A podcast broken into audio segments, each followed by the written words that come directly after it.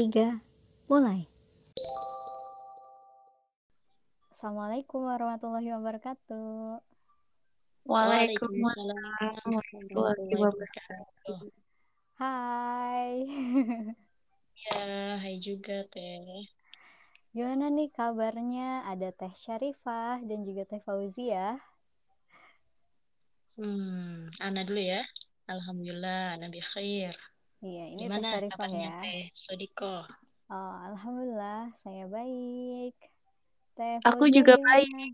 Aku juga baik, Oke. alhamdulillah. Masya Allah, alhamdulillah. Eh, baik ya semuanya.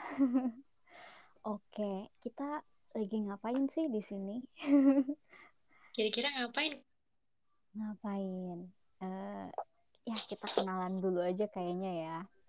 Oh iya, baik-baik. Iya, kita ini kan lagi nge-podcast. Tapi harus tahu dulu nih isi podcast yang bakal kita bahas tuh apa. Jadi eh, nama podcast kita kan Rekam Digital Diri. Ini tuh terinspirasi karena kita tuh kaula muda yang pengen terus berkembang. Tapi gimana nih gitu ya supaya perkembangan kita tuh bisa tetap eh, terlihat lah. Karena kan setiap hari kita mikir, setiap hari kita eh, bergerak, kemudian merasa dan lain sebagainya. Kita butuh nih tempat untuk bisa merekam semua hal yang kita lakukan meskipun nggak semuanya tapi minimal ada yang bisa kita lihat progresnya dan inilah tempat yang bisa merekam uh, perkembangan kita salah satunya dengan rekam digital diri podcast itu mungkin ya sekilas perkenalan kita terus apa nih yang bakal kita bahas di podcast ini kira-kira ada yang ngeh nggak dari teman-teman nih dari Teh Syarifah atau nggak Teh Fauzia Apa ya? Kayaknya seru juga sih untuk kita mengaktifkan diri di podcast ini. Namun Mm-mm. kayaknya yang Ana pribadi lihat masalah yang terkini untuk kaula muda hari ini adalah masa-masa transisi ya, mungkin dari fase remajanya menuju fase dewasa. Sampai banyak eh, quote-quote yang sampai kayak ketakutan untuk menghadapi masa dewasa gitu ya. iya Padahal lah, itu kan hal yang niscaya ya, maka otomatis mungkin di sini kita bisa bahas apa contoh-contoh permasalahannya yang kita bisa diskusikan bareng, kita bisa cari solusinya bareng-bareng karena kalau secara teori mungkin banyak di luar sana dijelaskan oleh para ahli, baik ahli psikologi, ahli agama dan lain sebagainya. Namun kan sudut pandang dari setiap individu itu kan mungkin beda-beda. Sehingga Iya. akhirnya muncul penerapan yang berbeda pula sehingga akhirnya ada semacam anomali atau perbedaan mungkin ketika teorinya A kok kita nggak bisa ngejalaninnya gitu ya. Di sinilah menurut Ana kita bisa saling berbagi informasi, berbagi tips-tips yang mungkin bisa saling kita pakai di kehidupan sehari-hari. Mungkin begitu ya Oh, dari Ana pribadi. berbagi pengalaman juga ya bisa ya Iya, betul sekali.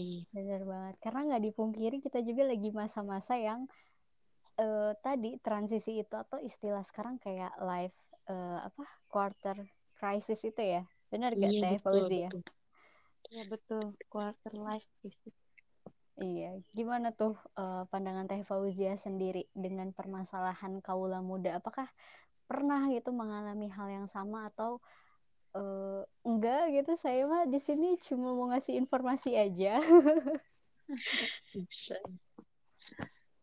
Pasti semua orang mengalami ya di masa-masa transisi itu ya. Kadang kalau kita belum siap apalagi ya terkadang banyak insecure-nya, terus juga lebih banyak stresnya dan segala macamnya. Jadi podcast-podcast seperti ini tuh harus eh, diadakan ya Teh ya supaya nambah informasi juga pengalaman buat teman-teman yang lain juga. Iya, Insya Allah. Jadi eh, kita hadirkan podcast ini ya untuk menyelesaikan kita problem bersama gitu. Ya. Jadi teman-teman di luar sana tuh nggak sendirian, kita juga mengalami hal yang sama dan ingin berbagi gitu ya bersama teman-teman di luar sana. Iya, oke. Okay. Um, kira-kira nih uh, apa yang mau dibahas saat ini yang lagi penting banget nih? Mungkin Teh Fauzia punya masukan? Apa ya Teh? Mungkin Kalau lebih Anda, ke Kenapa teh? Kalau anak pribadi lagi, lagi me, kan sekarang lagi ramai nih kemarin itu terakhir ya yang pertama itu yang booming itu Leslar ya oh, Lesti ya. Bilar gitu kan atau sebelumnya oh. Leslar itu ada Dinda dan siapa tuh ya terus sampai kemarin baru kemarin banget ada Ricis dan Tengku yeah, ya kan yeah. nah ini kayak hal-hal yang sedang bombastis gitu di tengah-tengah kita, apalagi di tengah-tengah kaum muda yang mungkin gitu punya harapan yang ya, seperti di film-film atau seperti yang terjadi di dunia-dunia artis gitu ya. Padahal pada kenyataannya mungkin kita belum masuk atau belum sampai ke ranah sana gitu. Nah, ini jadi kayak permasalahan apa yang harus kita lakukan ya di masa-masa sebelum menikah itu sendiri karena kan kalau di media mungkin di framingnya indah, bagus, mudah, mulus hmm. gitu ya. Semuanya tertata rapi sampai ya seperti di dongeng-dongeng romantis gitu. Padahal hmm. di sebelum kejadian itu ya ada masa-masa yang harus kita hadepin gitu atau kalau disebutnya masa pranikah gitu ya. Menurut. Anda begitu. Mungkin yang lain gimana? Kalau Teh Fauzia sendiri gimana nih? Tadi sempat mau ngomong. Enggak sih, uh, memang aku juga setuju sih sama Teh Sodiko ya. Karena orang-orang kebanyakan atau mungkin aku secara pribadi ya melihat tuh kayak sebuah pernikahan itu wah menyenangkan dan segala macam. Tapi kita nggak tahu kan di dalamnya itu seperti apa nanti untuk menjalaninya itu.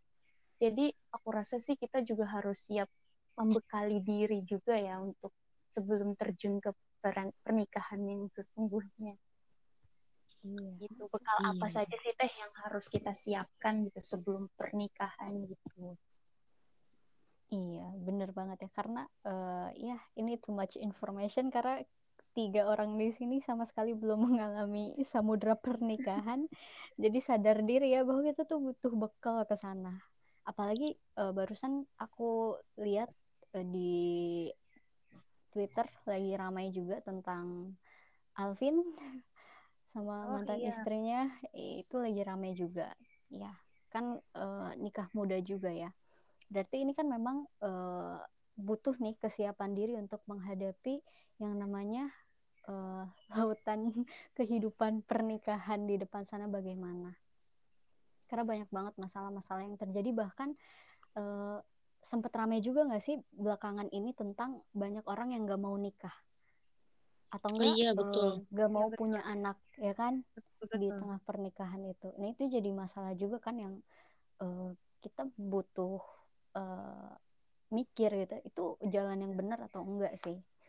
Nah uh, kalau tanggapan teh uh, Syarifah nih berkaitan dengan orang-orang uh, yang takut nikah dulu nih. Karena kan uh, sebelum kita bahas pranikah ada juga nih kan uh, apa ya ketakutan-ketakutan sendiri ya untuk menghadapi pernikahan itu. Gimana caranya nih supaya kita bisa memandang pernikahan itu tidak semenakutkan itu dan itu adalah sunnah rasul yang memang uh, tetap harus kita jalani gitu ya. bahkan kita punya pahala sendiri lah istilahnya mah dalam menghadapi pernikahan itu.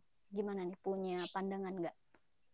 Kalau anda pribadi mungkin ya menarik garisnya itu di garis ujungnya dulu.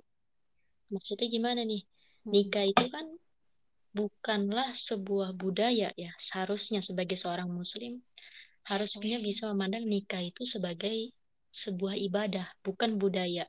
Hmm. Nah, dari situlah kemudian kita harus ngerti dulu dong, kenapa kita harus ibadah nikah gitu.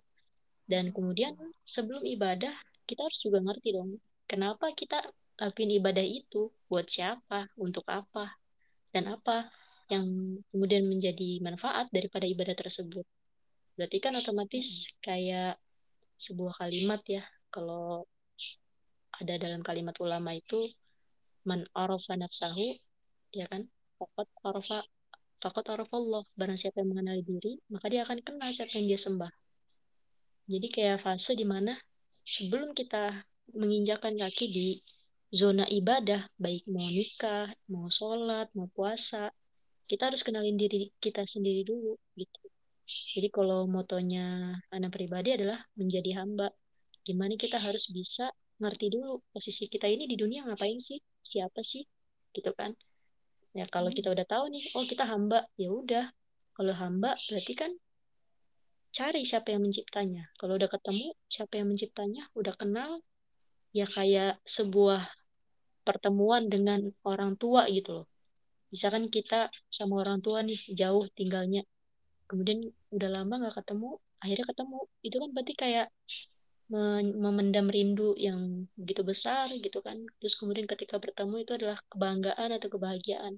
Nah yang anda pandang seperti itu. Nikah itu adalah kayak ini perintahnya Tuhan ya kan yang menciptakan kamu yang kalau kamu ngelakuin apa pun yang dia suka itu bikin dia bahagia gitu jadi lebih ke pandangan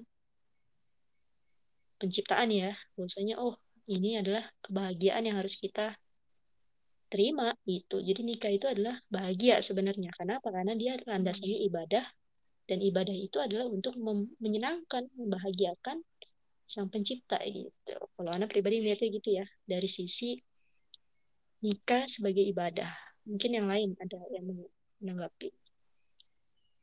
Gimana nih Teh Fauzia? Apakah setuju sama Teh Syarifah Umar? Iya Teh, setuju banget Teh.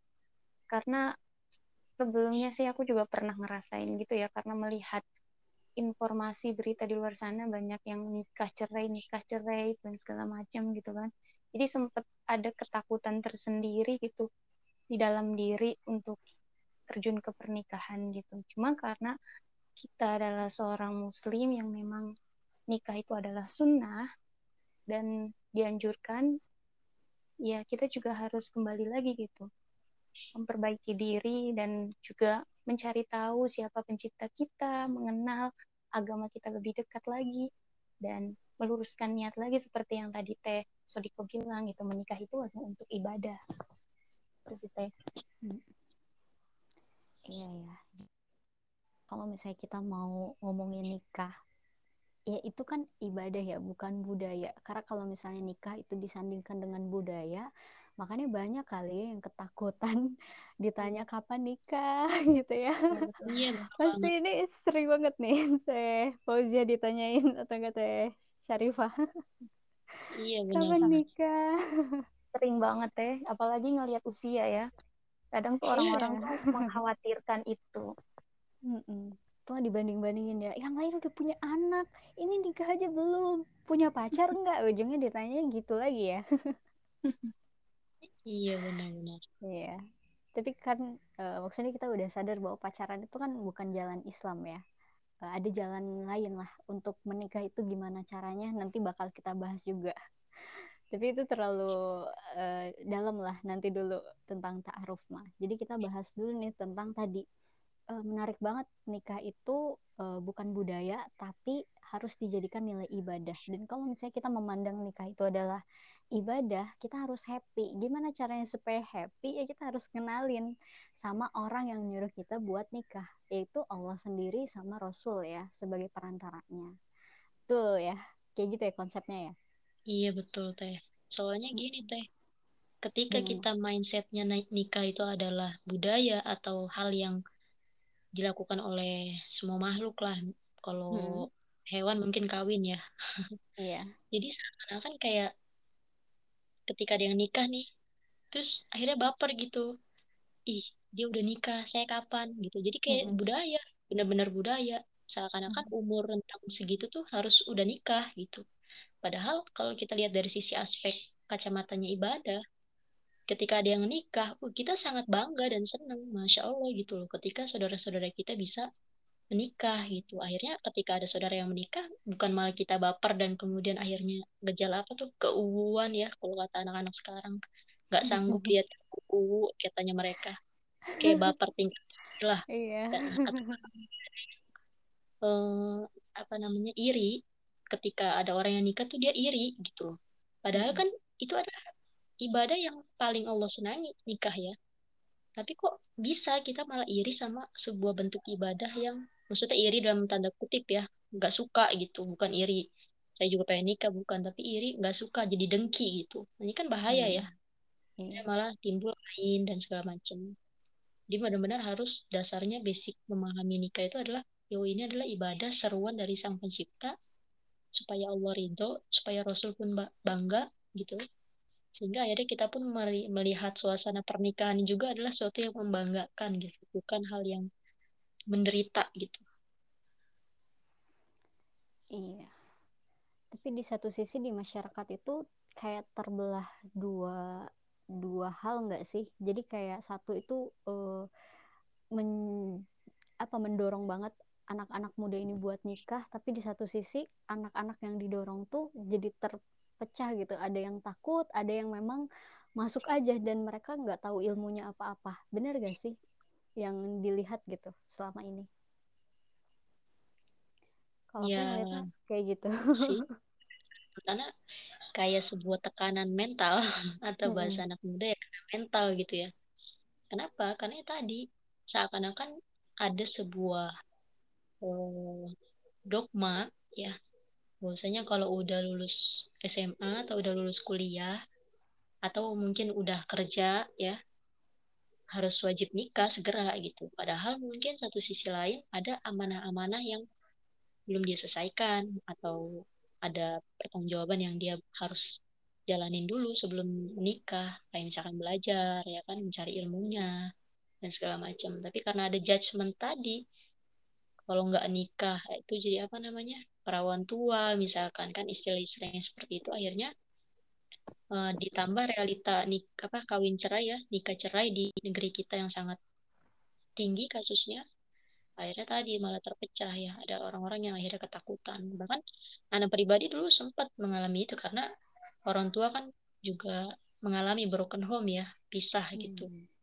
sebagai hmm. anak pernah melihat situasi bahkan sampai ke pengadilan gitu melihat situasi hmm. perceraian itu adalah hal yang tidak mengenakan gitu jadi menjadi suatu gambaran bahwasanya apa sih sebenarnya nikah dan akhirnya orang-orang berpikir kan kalau nikah aja cerai buat apa nikah gitu kan berpikirnya mereka iya. padahal nikah itu adalah ibadah yang sangat istimewa yang udah Allah serukan gitu hmm. Even Teh Fauzi ada yang mau di korek-korek lagi berkaitan dengan hal ini? Atau mau berbagi pengalaman gitu?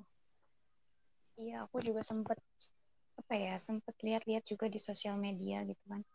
Teman-teman yang rata-rata belum menikah gitu kan sempat pada galau gitu dan segala macam melihat usia dan segala macam lalu yang sangat disayangkannya itu ketika mereka uh, menginginkan menikah tapi melalui dengan pacaran dulu sih teh itu jadi mungkin ada sebagian orang yang bilang ya kamunya harus membuka diri gitu harus apa ya lebih menunjukkan diri. Jadi kebanyakan orang di teman-teman aku ya lebih banyaknya juga jadi oh ya berarti kita harus welcome nih sama laki-laki dan segala macem gitu. Jadi banyak orang yang sebelum nikah itu ada yang melalui pacaran dulu gitu teh. Hmm.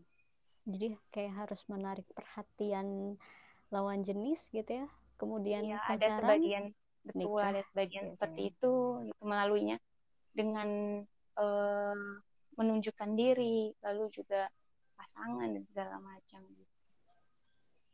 iya ya banyaklah problematika di tengah masyarakat gitu ya berkaitan ini sebelum nikah ya apalagi nanti problem buat nikahnya gimana itu pasti lebih dalam lagi masalahnya di nah, ya, betul ya aneh sih tertarik yang tadi Teh Fauzia bilang ya Iya.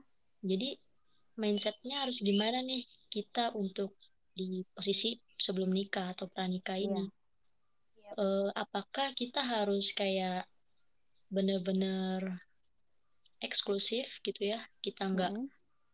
Ya istilahnya udahlah pasrah pasti jodoh tuh Allah kasih gitu kan yeah. atau menghindari mungkin, diri ya atau mungkin dengan tadi anggapan-anggapan masyarakat umum ya kamu gimana mau dapat jodoh kalau Iya. kamunya diem aja kalau kamu kalau ada laki-laki kamu nggak ngerespon kalau ada yang Mm-mm. WA dibiarin kalau ada yang main ke rumah ajak main nggak di nggak ditanggepin gitu kan Mm-mm. nah itu sih yang harus diluruskan ya karena eh, Islam itu kan bukan apa namanya bukan budaya juga Islam itu adalah agama yang di dalamnya ada aturan-aturan untuk menjamin kebahagiaan hidup manusia. Kalau nggak dipakai aturan itu ya pasti akan ada fitrah yang tidak terpenuhi. Kalau udah nggak terpenuhi walaupun misalkan dia bisa nih dapat jodoh dengan pacaran ya atau dengan PDKT sebelum nikah lah istilahnya belum halal tapi udah deket-deketan. Nah itu yang akhirnya menumbuhkan kebimbangan pasti akan muncul ketakutan ya kan? Secara tidak langsung karena sesuatu yang ses tidak sesuai dengan fitrahnya Islam tidak sesuai dengan aturan Islam pasti dia tidak sesuai fitrah dan akan membuat kegalauan. Nah ini sih yang kemudian anak tertarik ya dalam e, nasihat daripada Syekh Ibnu Athaillah dalam kitab Al-Hikam. Ada namanya hikmah kan? Di dalamnya ada banyak hikmah di dalam kitabnya ada hikmah keempat ya. Bahwasanya uh, Syekh Ibnu Athaillah menyampaikan arih nafsaka minat tadbir gitu kan di hikmah keempat itu. Apa maksudnya arih nafsaka? Yakni istirahatkanlah dirimu minat tadbir gitu kan dari melakukan tadbir. Nah tadbir ini kan sebenarnya bahasa Indonesia ya cuman banyak orang yang nggak pakai. Tadbir itu artinya mengatur urusan dunia gitu. Mengatur urusan yang sudah udah jelas gitu bahwasanya itu udah Allah atur. Karena lanjutannya kama qama bihi ghairuka anka. Karena sesuatu yang telah diurus untukmu ya kan oleh Allah la takum bihi linafsik. Tidak perlu engkau turut mengurusnya. Gitu. Jadi ini kayak jawaban daripada keresahannya ya. Bahwasanya kata Allah eh kata Syekh Ibnu Athaillah istirahatkanlah dirimu dari melakukan sesuatu yang udah Allah tetapkan apa yang Allah udah tetapkan? Kematian gitu ya. Kehidupan jodoh rezeki ya kan? Itu udah Allah tetapkan. Nah maksudnya gimana? Tadbir ini ya. Jadi tadbir ini adalah mengatur sesuatu yang udah pasti ya yang udah Allah jamin dan kita sibuk susah payah gitu dengan hal itu. Kayak tadi ya sibuk PDKT kan sekarang juga banyak aplikasi-aplikasi taruh ya taruh ID kayak hmm. gitu-gitu kan. Sibuk ya kan searching-searching cowok-cowok idamannya misalkan. Padahal kata Allah itu udah Allah atur. Nah maksudnya diatur gimana? Kam, kalau kita melihat ya maksudnya Allah sudah atur itu kita bisa mengambil daripada pendapatnya Imam Ali. Ya Imam Ali bin Abi Thalib. Dikatakan bahwasanya perkara jodoh ini sudah Allah tetapkan tinggal kita melakukan dua upaya gitu Nah, apa itu upayanya gitu? Supaya kita nggak susah payah lah. Susah payah nyari-nyari jodoh gitu. Ya kan apa? Yang pertama adalah maisha. Nah, maisha ini dalam ranah kasep atau dalam arti adalah usaha. Dan yang kedua adalah yakin. Itu adalah sebuah keyakinan. Nah maksud daripada maisha ini apa? Yakni kita berusaha berusaha untuk belajar ya kan? Karena nikah itu kan bukan sekedar akad doang. Belajar dulu tuh kita psikologi rumah tangga ya kan? Bagaimana adab-adab dalam rumah tangga fikir rumah tangga. Bahkan ya mohon maaf ketika kita nanti ada istilahnya malam pertama itu kan dalam Islam ada urutannya ada tata caranya ada doanya. Setelah itu ngapain? Itu harus diketahui sebelum nikah kalau kemudian kita baru belajar setelah nikah, yang ada malah tadi nggak diamalin aturan-aturan Islamnya. Maka otomatis Aisyah ini baik secara materi kita harus berusaha menjadi mapan dan bahkan secara batin kita kita juga harus mampu. Mental kita udah mampu nih, ilmu-ilmu kita udah cukup usaha gitu. Dan kemudian yang kedua adalah yakin. Nah, yakin di sini apa? Yakin bahwasanya Allah ketika sudah menciptakan manusia pasti ada rezekinya, ya kan? Dan kemudian ketika Allah menciptakan ada namanya laki-laki perempuan pasti itu berpasangan. Sebuah keyakinan yang harus kita udah terima gitu. Baik pasangannya nanti di dunia atau mungkin nggak Allah sampaikan di dunia, di dunia Allah sampaikan di akhirat. Nah cuman perkara yakin ini kan akhirnya menjadi tadi ya simpang siur. Akhirnya orang menjudge ya kamu di dalam aja kamu harusnya usaha dong keluar gitu kan nah hmm. yakin di sini adalah kita mengusahakan ada dua yakin ya kita mengusahakan dengan cara yang baik yakni kita minta tolong saudara kita, kerabat kita untuk mengenalkan, mungkin kayak siapa tuh yang benar sebenarnya benar ya Ria Ricky sama Tengkurian tuh awalnya benar Tengkurian minta tolong temennya untuk kenalin gitu kan jadi Hmm. nggak langsung ngechat minta eh, istilahnya ya berhubungan yang tidak halal gitu. Tapi minta tolong perantara tolong dong kenalkan. Dan ada kisah yang lebih menarik lainnya itu daripada istri terakhir Rasulullah Shallallahu Alaihi Wasallam yakni Maimunah binti Haris. Ya luar biasanya Maimunah dia itu adalah as-sabiqun al-awwalun orang yang pertama kali masuk Islam. Tapi baru nikah sama Rasul di akhir-akhir setelah eh, ya akhir-akhir jadi tujuh hijriah ya. Jadi udah terakhiran Rasul mau menikah itu sama beliau Maimunah. Dan apa?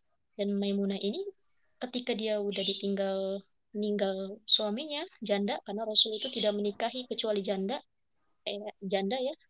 Dan pengecualian cuma Sayyidah Aisyah yang masih perawan. Jadi Maimunah ini janda itu kan.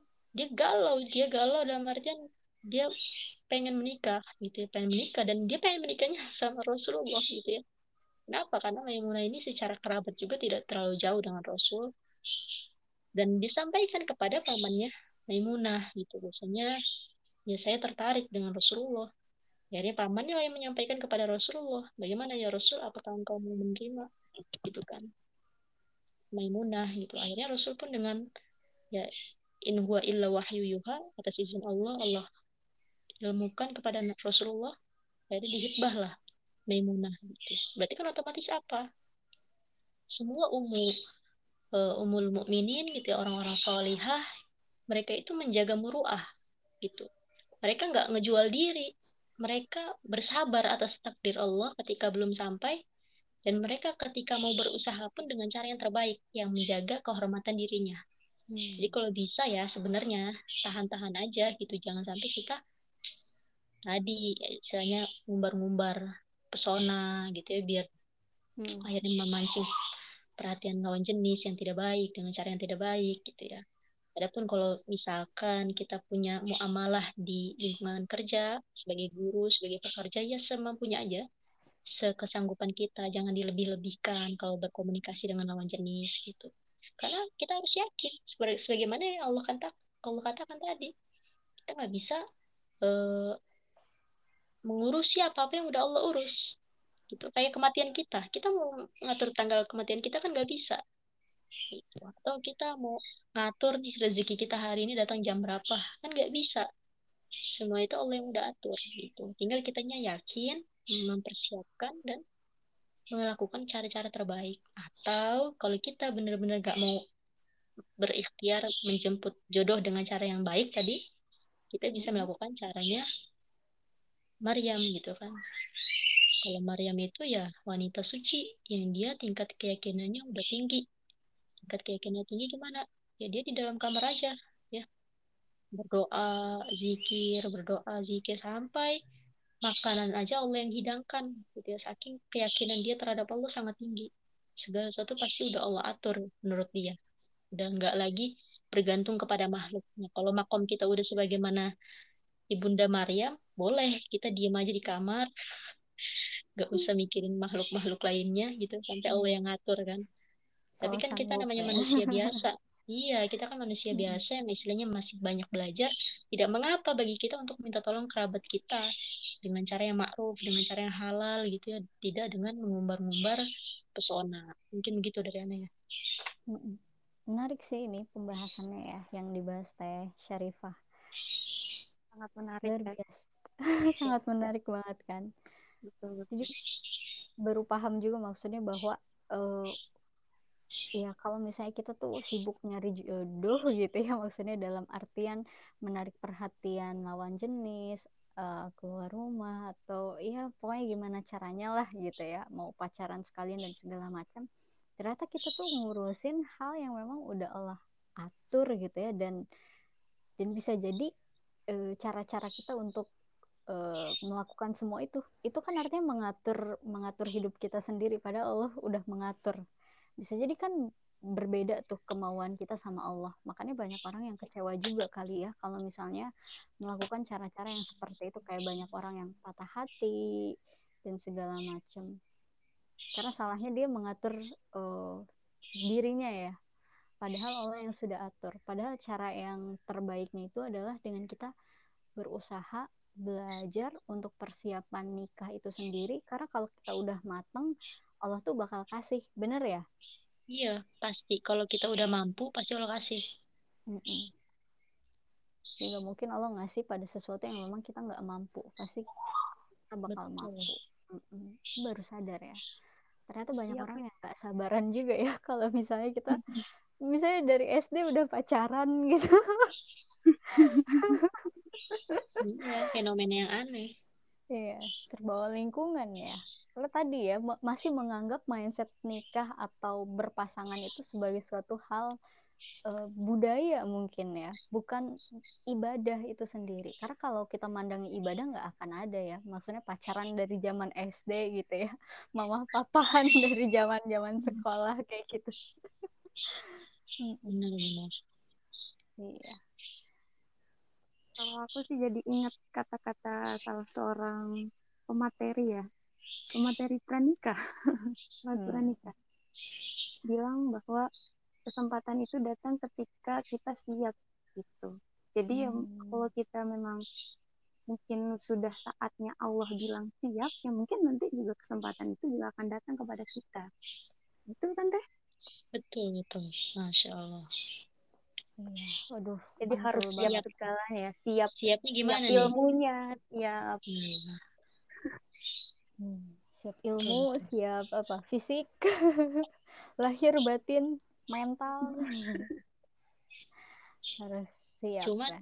gimana kira-kiranya dengan uh, mindset ya udah learning by doing aja gitu kan menurut ya, kita kan ya harusnya siap ya, ya. gimana tuh kira-kira hmm, learning by doing by doing itu jadi ketika kita mau nikah eh maaf maksudnya nikah tapi secara ilmunya tuh dalam sudah menikah gitu teh iya jadi kayak nikah nikah aja dulu nanti belajarnya bareng-bareng gitu Aduh, iya ya betul. Ada juga sih kayak gitu. Iya. Tapi tetap pondasi harus dipersiapkan kan. Kalau aku mikirnya gitu. Jadi kalau misalnya kita nikah learning by doing itu pasti selalu karena dalam kehidupan apa pun mau nikah atau enggak pasti kan kita selalu belajar ya. Apalagi kalau nikah pasti kan menyatukan dua uh, orang gitu ya dengan perbedaan yang banyak kemudian kan menyatukan dua perbedaan keluarga juga apalagi nanti kalau udah punya anak pasti kan selalu ada yang harus dipelajari eh, itu kan hmm. memang harus ya tapi Benar. tetap kan harus ada basic yang memang uh, bisa menjadi ibaratnya rumah tuh harus punya pondasinya. Nah pondasi itu yang harus dipersiapkan gitu. Ini sih hmm, pandangan aku. ya kayak kita bikin rumah ya. Ya bikin rumah kan yang penting pondasi dulu ya. Mau iya. rumahnya tingkat dua tingkat tiga terserah gitu ya. Jadi kayak kalau mau rumah tangga kita ba bagus banget istilahnya ya iya. pondasinya dulu yang kita pikirin nih itu jadi pas doingnya nanti sembari nabung sembari bangun rumah yang bagus banget gitu kan. Tapi fondasi kita udah punya modal gitu. Nggak mikirin susah-susah lagi. Iya. Fondasi yang paling penting. Nah kalau menurut Teh Fauzia sendiri nih fondasi yang paling penting. Kalau misalnya ditanya gitu ya nanti pas nikah fondasi apa sih yang mau dibuat gitu yang yang harus dipersiapkan dari sekarang fondasi untuk mempersiapkan ya Hmm. Iya tadi siang udah disampaikan sama Teh Sodikah ya, Syarifah ya maaf Teh. Syarifah. Iya, Syarifah. Setuju banget gitu. Pertama tuh kita memang harus apa ya mengenal lagi pencipta kita gitu mengenal diri kita untuk mengenal lebih dekat pencipta kita lalu kita sudah merubah mindset bahwa menikah itu ibadah dan segala macamnya gitu karena kan aku melalui pengalaman yang memang sebenarnya awal-awalnya tuh jadi aku punya mindset yang aku takut gitu menikah gitu karena melihat banyaknya problematika dan segala macam gitu. Lalu ketika aku sudah mulai merubah mindset, jadi langsung gitu salah lagi gitu kan. Kalau misalnya yang awalnya salah mindset, lalu aku aku mulai mencoba-coba untuk membuka diri atau dan segala macam gitu kan. Uh, untuk menarik rasa kekhawatiran aduh gimana nih usia dan segala macam gitu kan. Cuman ya tadi balik lagi kita harus terus-terus merubah mindset kita untuk uh, ke arah yang lebih baik lagi gitu. Terus juga mempersiapkan ilmu dan segala macamnya ilmu sih yang lebih penting gitu untuk dipersiapkan tapi banyak sih yang harus disiapkan ilmu mental dan segala macam Iya. Kalau misalnya kita udah apa ya? Udah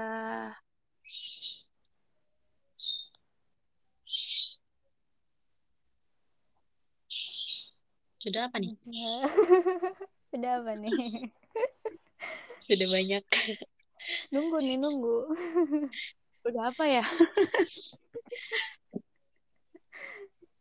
udah siap segalanya insya Allah akan Allah hadirkan pasangan yang terbaik yang ya ya Allah siapkan cuman sih tadi ya teh yang tadi aku tuh tertarik itu yang learning by doing gitu karena kan kita nggak tahu ya uh, ketetapan Allah itu bagaimana dan segala macam kalau misalnya uh, di depan itu kita akan mengalami permasalahan apa dan segala macamnya ya jadi kita harus mempersiapkannya itu gitu dengan tadi ya kalau ya. kata lebih uh,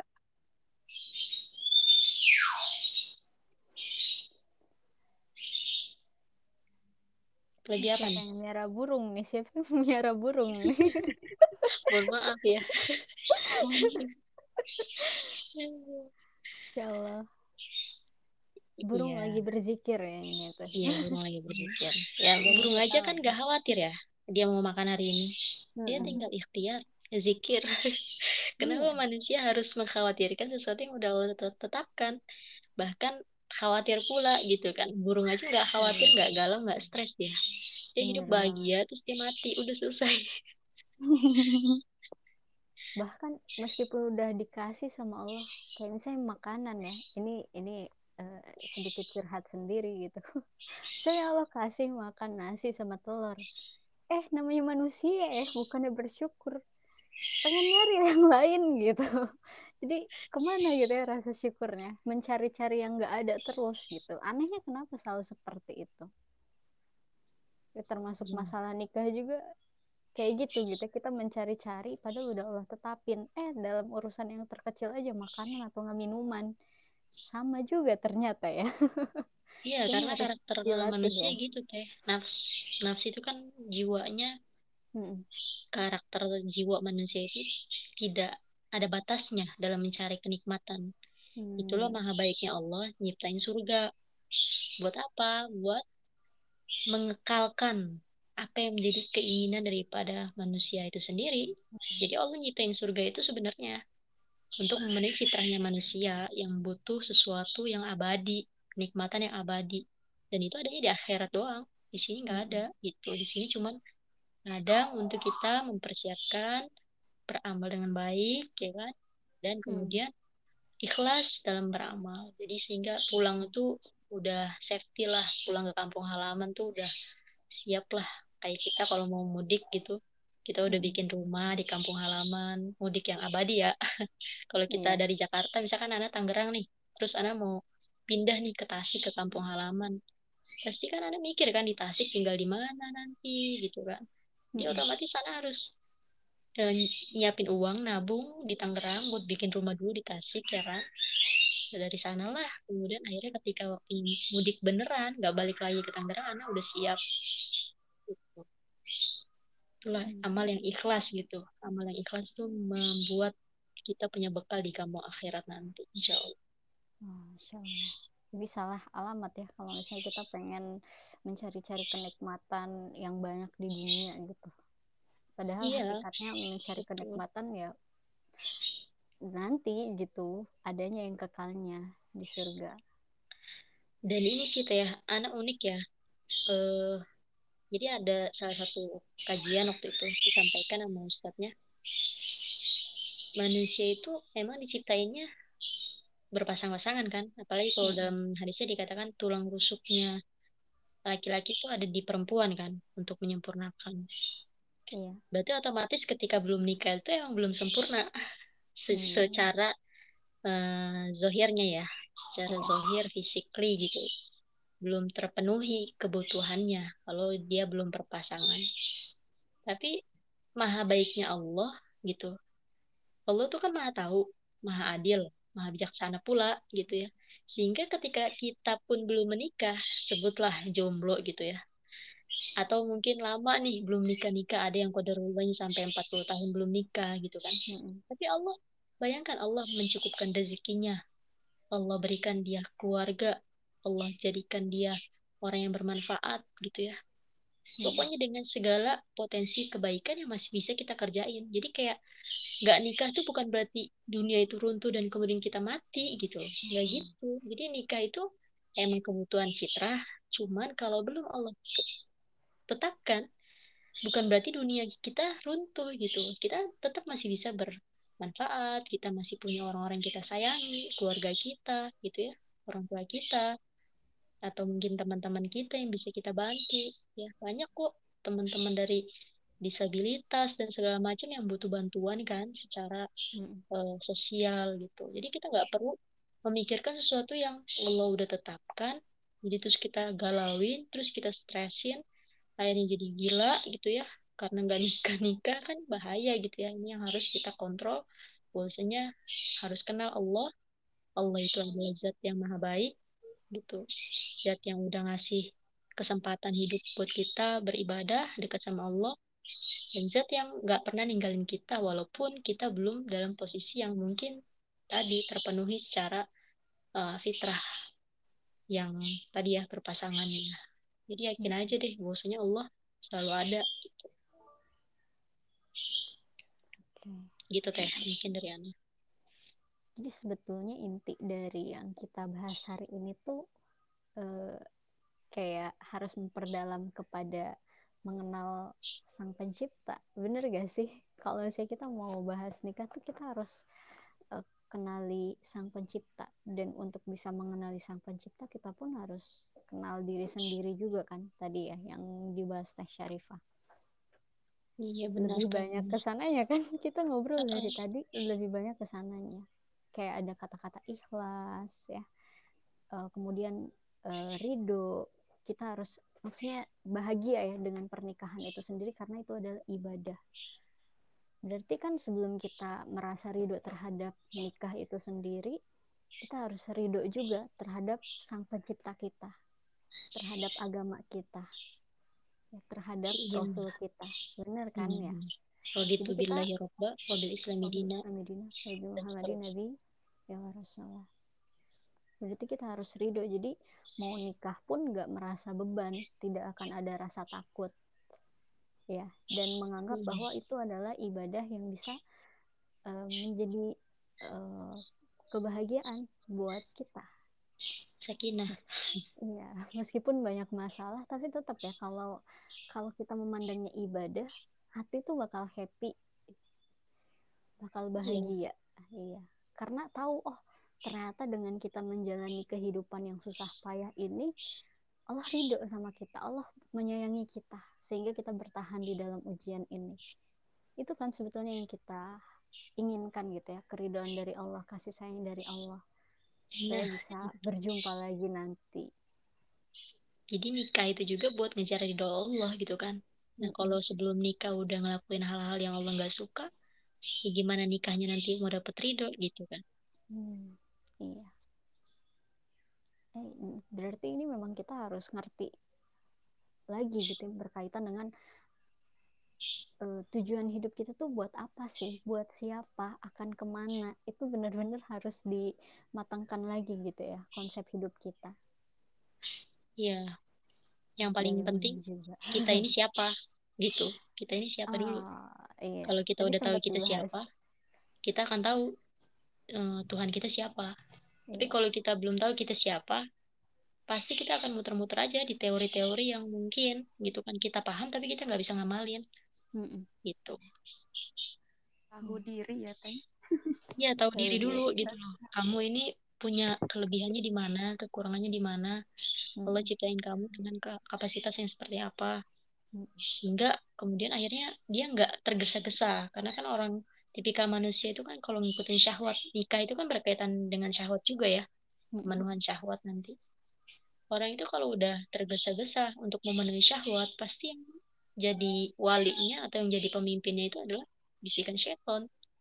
Ya tadi akhirnya apa saya pacaran aja ya kayak kayak orang-orang bilang apa saya tebar pesona aja ya biar orang-orang lihat saya dan akhirnya mau hitbah saya. Gitu. Kan itu kan bisikan-bisikan syaitan sebabnya apa? Syahwatnya diikutin gitu. Jadi bukan iman yang ngebimbing dia. Kenapa bukan iman? Karena dia nggak kenal diri dia siapa. Karena dia nggak kenal diri dia siapa dia nggak kenal Tuhannya siapa gitu harus tahu dulu diri kita siapa. Oke, mungkin itu bisa jadi diri bahasan ya. mungkin itu bisa jadi bahasan selanjutnya nggak sih buat di pertemuan selanjutnya? Iya gimana caranya gimana? mengenal diri mengenal Allah gitu sebagai sang pencipta. Bener gak sih? Iya bener betul bener. Asalnya kan itu Kayaknya bakal ke depannya tuh. Karena banyak Hmm. pembahasan yang harus kita bahas sama-sama, diskusi bareng. Iya. Nambah ilmu juga kan buat kita ya. iya bener banget sebetulnya nggak nggak nggak terbayang juga sih bakal ngebahas sampai segininya ya kirain mau santai-santai aja tapi kok dipikir-pikir lagi ini bahasannya dalam gitu ya ngobrolin tentang sang, sang pencipta gitu ya, ibadah ridho gitu ya padahal awal-awalnya pengen bahas kayak fenomena-fenomena yang ada di masyarakat aja Soalnya kalau gini teh, kalau fenomena kan banyak ya. Ibarat laut itu di atasnya itu ada permukaan tuh ya. Mm-mm, Kalau kita mau ngebersihin laut dari sampah, misalkan ya, kalau mm-mm. kita cuma bersihin atasnya doang, udah kelihatan bersih. Tapi ketika kita nyelam, itu banyak banget sampah-sampah di dalam yang Oh, eh, tersangkut gitu teh. Jadi mm-mm. kayak harus benerin dasarnya dulu nih. Barangkali di dasar itu memang eh, sumber masalahnya atau sumber sampahnya. Oh, Tapi kalau kita berapiin yang permukaan aja kan khawatirnya kita lupa ya di bawah sana ada yang lebih kotor mungkin ya Mm. kalau dalam diri kita mungkin hati kita yang lebih kotor sehingga kita nggak bisa nyerna tuh pikiran nggak bisa paham apa yang udah disampaikan guru-guru kita tentang ilmu-ilmu sebelum nikah gitu. Mantul mantul mantul. Luar biasa banget ini pagi-pagi bahasannya. Alhamdulillah. Semata-mata Allah ya yang ngasih kebaikan. Iya. jadi anak anak nih mau jujur aja ya. Anak tuh eh, mungkin dari 2000 2017 atau 2018 ya antara segitu itu anak benar-benar pelajari tentang nikah. Itu anak bingung kenapa nikah itu menjadi suatu rumor yang nggak selesai-selesai dari zaman dulu sampai sekarang ya kan? Hmm. padahal ilmu tuh semakin berkembang harusnya manusia pikirannya semakin maju. Tapi kenapa Hmm. manusia selalu bertanya-tanya kapan nikah? Kapan nikah? Gitu kan? Atau yang galau nikah nggak selesai galaunya gitu kan Padahal nikah itu kan sama kayak sholat gitu kan. Istilahnya ibadah. Sama seperti zakat, ibadah. Itu puasa, ibadah juga. Kenapa dalam hal sholat kita nggak mempertanyakan apakah sholat kita khusyuk? Apa sholat kita udah diterima? Tapi kenapa dalam hal nikah kita mikirin tiap waktu? Itu kayak nggak selesai gitu. Nah ternyata terjawabnya di poin tadi. Oh ternyata untuk kita paham tentang nikah, bertahun-tahun lamanya Anda berpikir ternyata oh bahwasanya kita harus kenal dulu diri kita dengan gitu kita kenal Tuhan kita Hmm. Tuhan kita tahu maunya apa Tuhan kita kita tahu apa yang maunya Tuhan kita akhirnya baru ngerti oh nikah itu simple ya. Cuman sekadar seruan Allah ya kan? Kita tugasnya begini-begini tunggu Allah kasih kesempatan. Kalau nggak Allah kasih kesempatan di dunia Allah kasih di akhirat. Karena Allah janji nggak pernah ingkar gitu kan?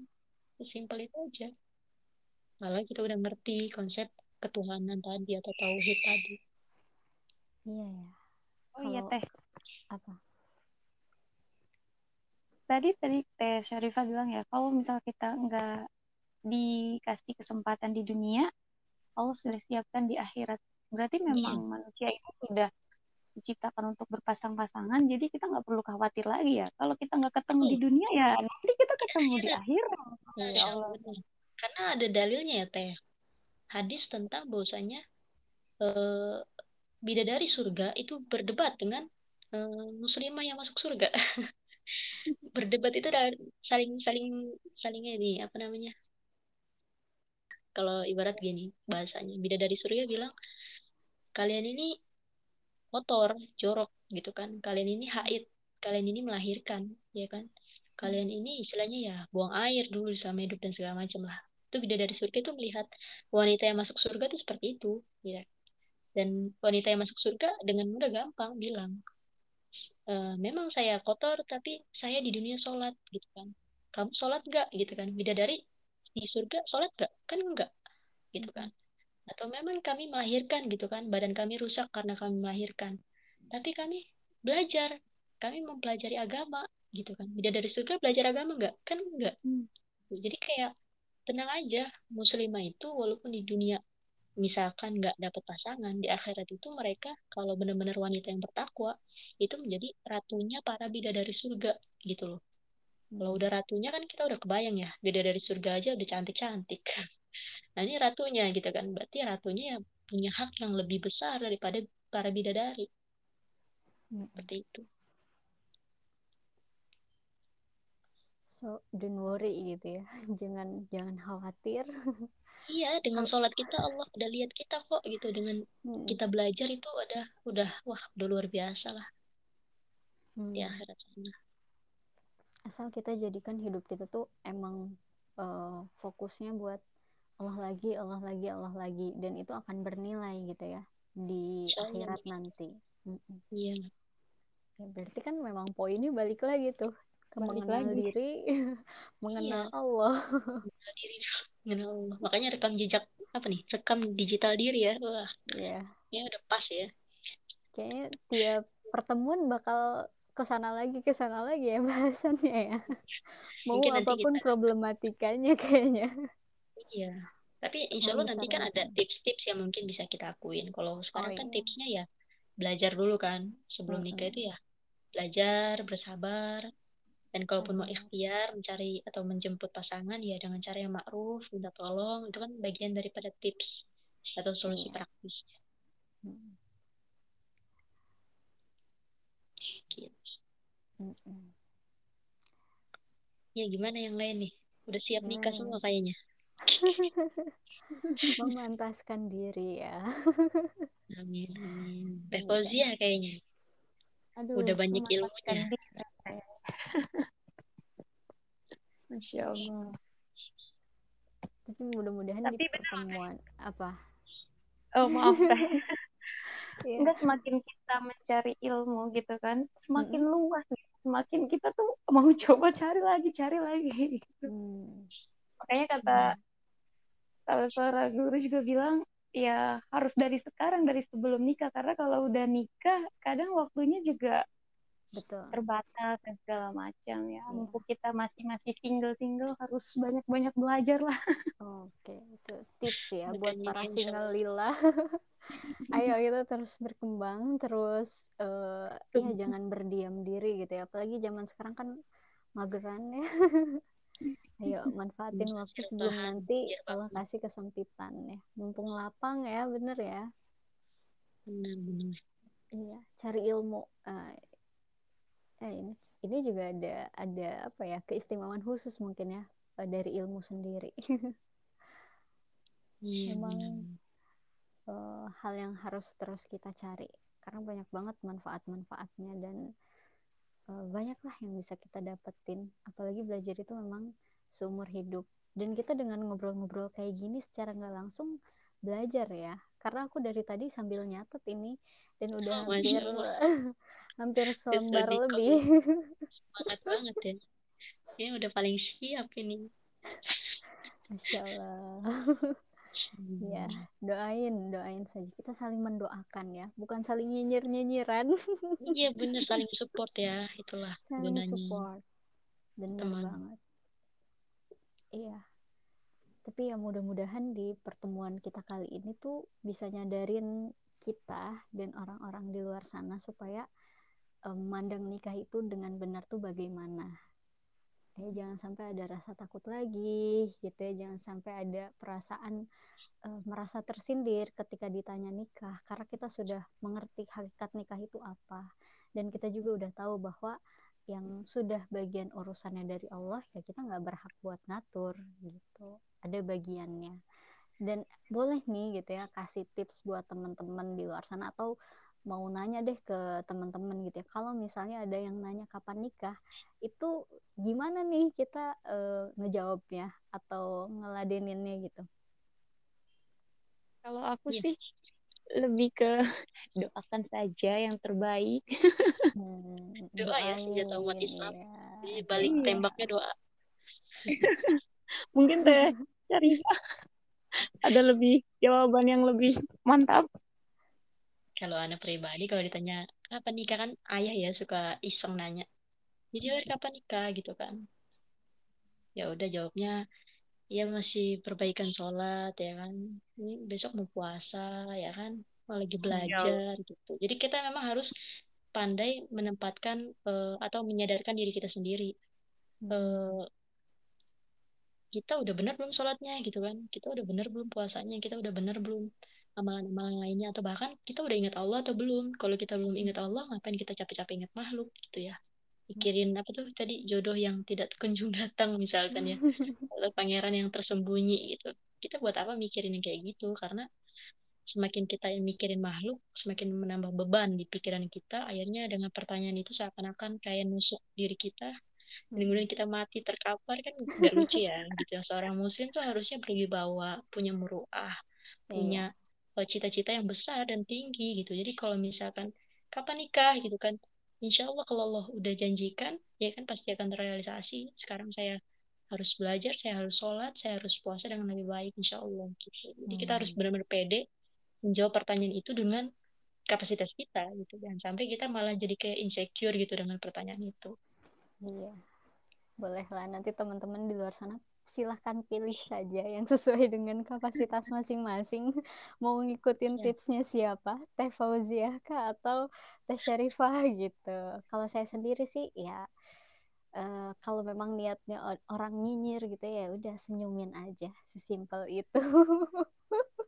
Iya tapi kan barangkali orang itu lagi peduli ya nanya sama kita iya, ya. Betul, tapi kan kita bilang aja ya kalau antum mau bantu, misalnya kita pun belum, kita udah pengen nih udah siap terus kita hmm. belum punya hasilnya belum punya ikhtiar lebih ditanya hmm. nikah kan ya udah hmm. kita bilang kalau antum mau bantu bolehlah gitu kan tapi kita harus lihat juga orang yang kita minta bantuan itu apakah orang yang percaya Islam percaya hmm. Allah punya adab-adab yang baik atau tidak gitu kalau cuma sekedar nyariin kan tukang apa namanya Gojek ya Gosen ya hmm. GoFood hmm. juga bisa nyariin nyari makanan gitu kan tapi kan kita bukan sembarang nyari perantara itu kita harus hmm. lihat juga orang yang amanah iya betul iya berasa diingetin saya jadi jangan suuzon dulu ya bagi teman-teman kalau misalnya ada yang nanyain kapan nikah gitu ya belum tentu itu nyinyir dia peduli kan dia peduli iya nanya, bisa kan. jadi itu udah makan peduli, belum gitu kan udah nikah sayang, belum ya.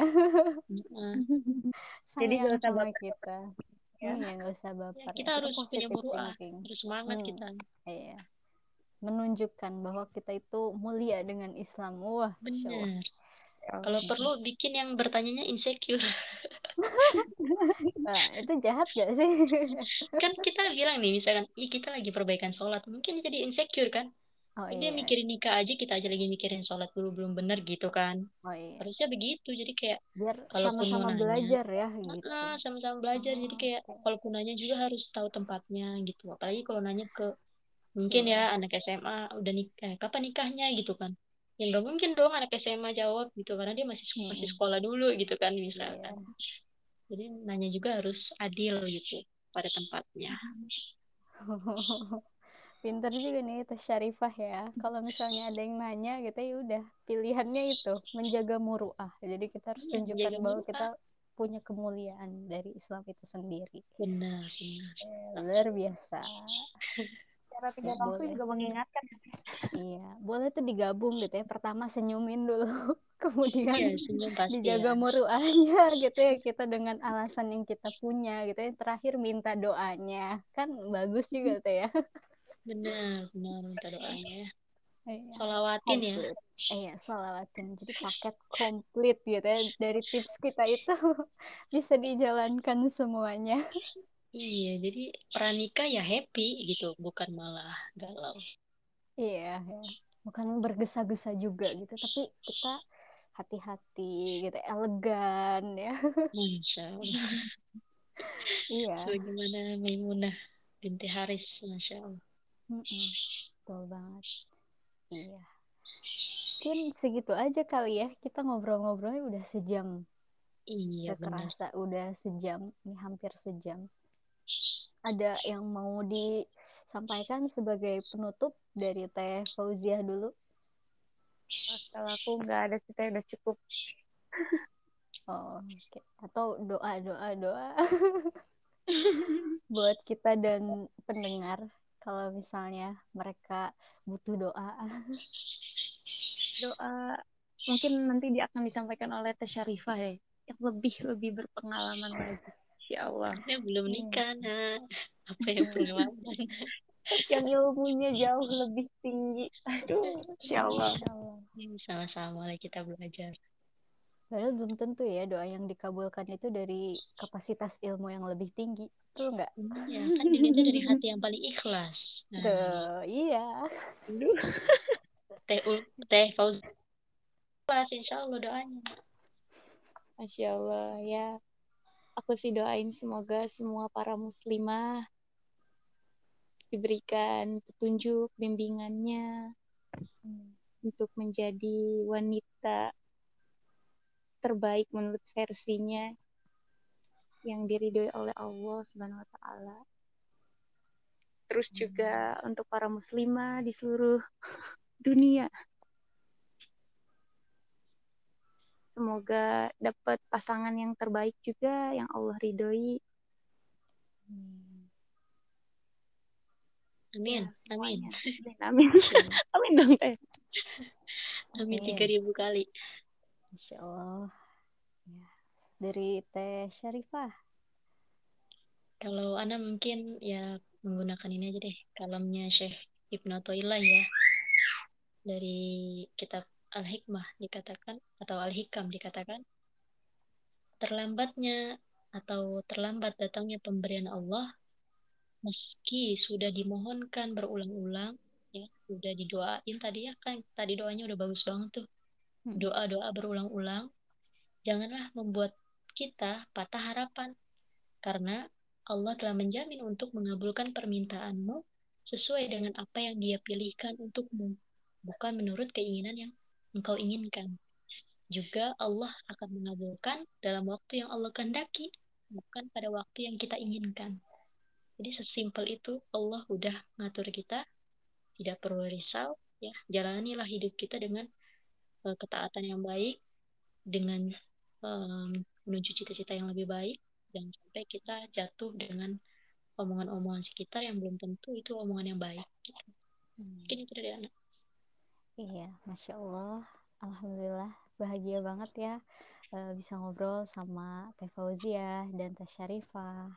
Dan mudah-mudahan teman-teman yang mendengarkan podcast ini pun bisa merasakan hal yang sama seperti apa yang aku rasakan gitu ya, bahagia, bisa dapetin ilmu, bisa eh, silaturahmi lagi nih sama teteh-teteh semua. Kemudian ya mudah-mudahan yang paling kita inginkan Allah melihat kita dan Allah ridho terhadap apa yang kita lakukan. Dan mudah-mudahan dari apa yang kita lakukan saat ini uh, kita bisa menjadi lebih baik lagi menjadi sadar bahwa diri kita itu adalah hamba yang memang harus menyembahnya tanpa ada pikiran uh, menuntut kepada Allah apa pun gitu ya. Karena kita sadar kita tuh hamba. Kalaupun misalnya kita berdoa pun ya ya kita berdoa aja bagian dari bentuk usaha atau ikhtiar bukan menuntut kepada Allah itu sendiri. Ya uh, mungkin eh, itu eh, yang bisa kita obrolin ya teteh-teteh. Mohon mbak mohon mohon maaf banget kalau misalnya aku banyak salah kemudian kesalahan teknis dan segala macam kata-kata yang menyinggung atau apa pun itu mohon dimaafkan Sama-sama teh, aku juga Iya. mohon maaf. Saling memaafkan insya Allah ya. Iya, makasih banyak juga atas eh, waktunya yang udah dikorbankan. Kemudian ini kuota juga dikorbankan, waktu tidurnya juga dan segala Kan nggak boleh macamnya. tidur subuh. Oh iya ya, alhamdulillah ya dengan adanya eh, agenda ini kita jadi nggak tidur lagi pada subuh. Produktif ya. Alhamdulillah mudah-mudahan kita bisa menjadi lebih baik lagi dengan apa yang kita capai hari ini. Amin. Ya, semangat terus ke depannya. eh, mau mau berdoa lagi ya atau Kita kita tutup aja sama kafaratul majlis. Oh iya, sama Al-Fatihah dulu deh, boleh? Al-Fatihah, terus Sayyidul Istighfar, eh, doa kifaratul majlis, eh solawat sama doa kifaratul majlis. Ya. Aku bimbing ya, Bismillahirrahmanirrahim. Eh, Al-Fatihah.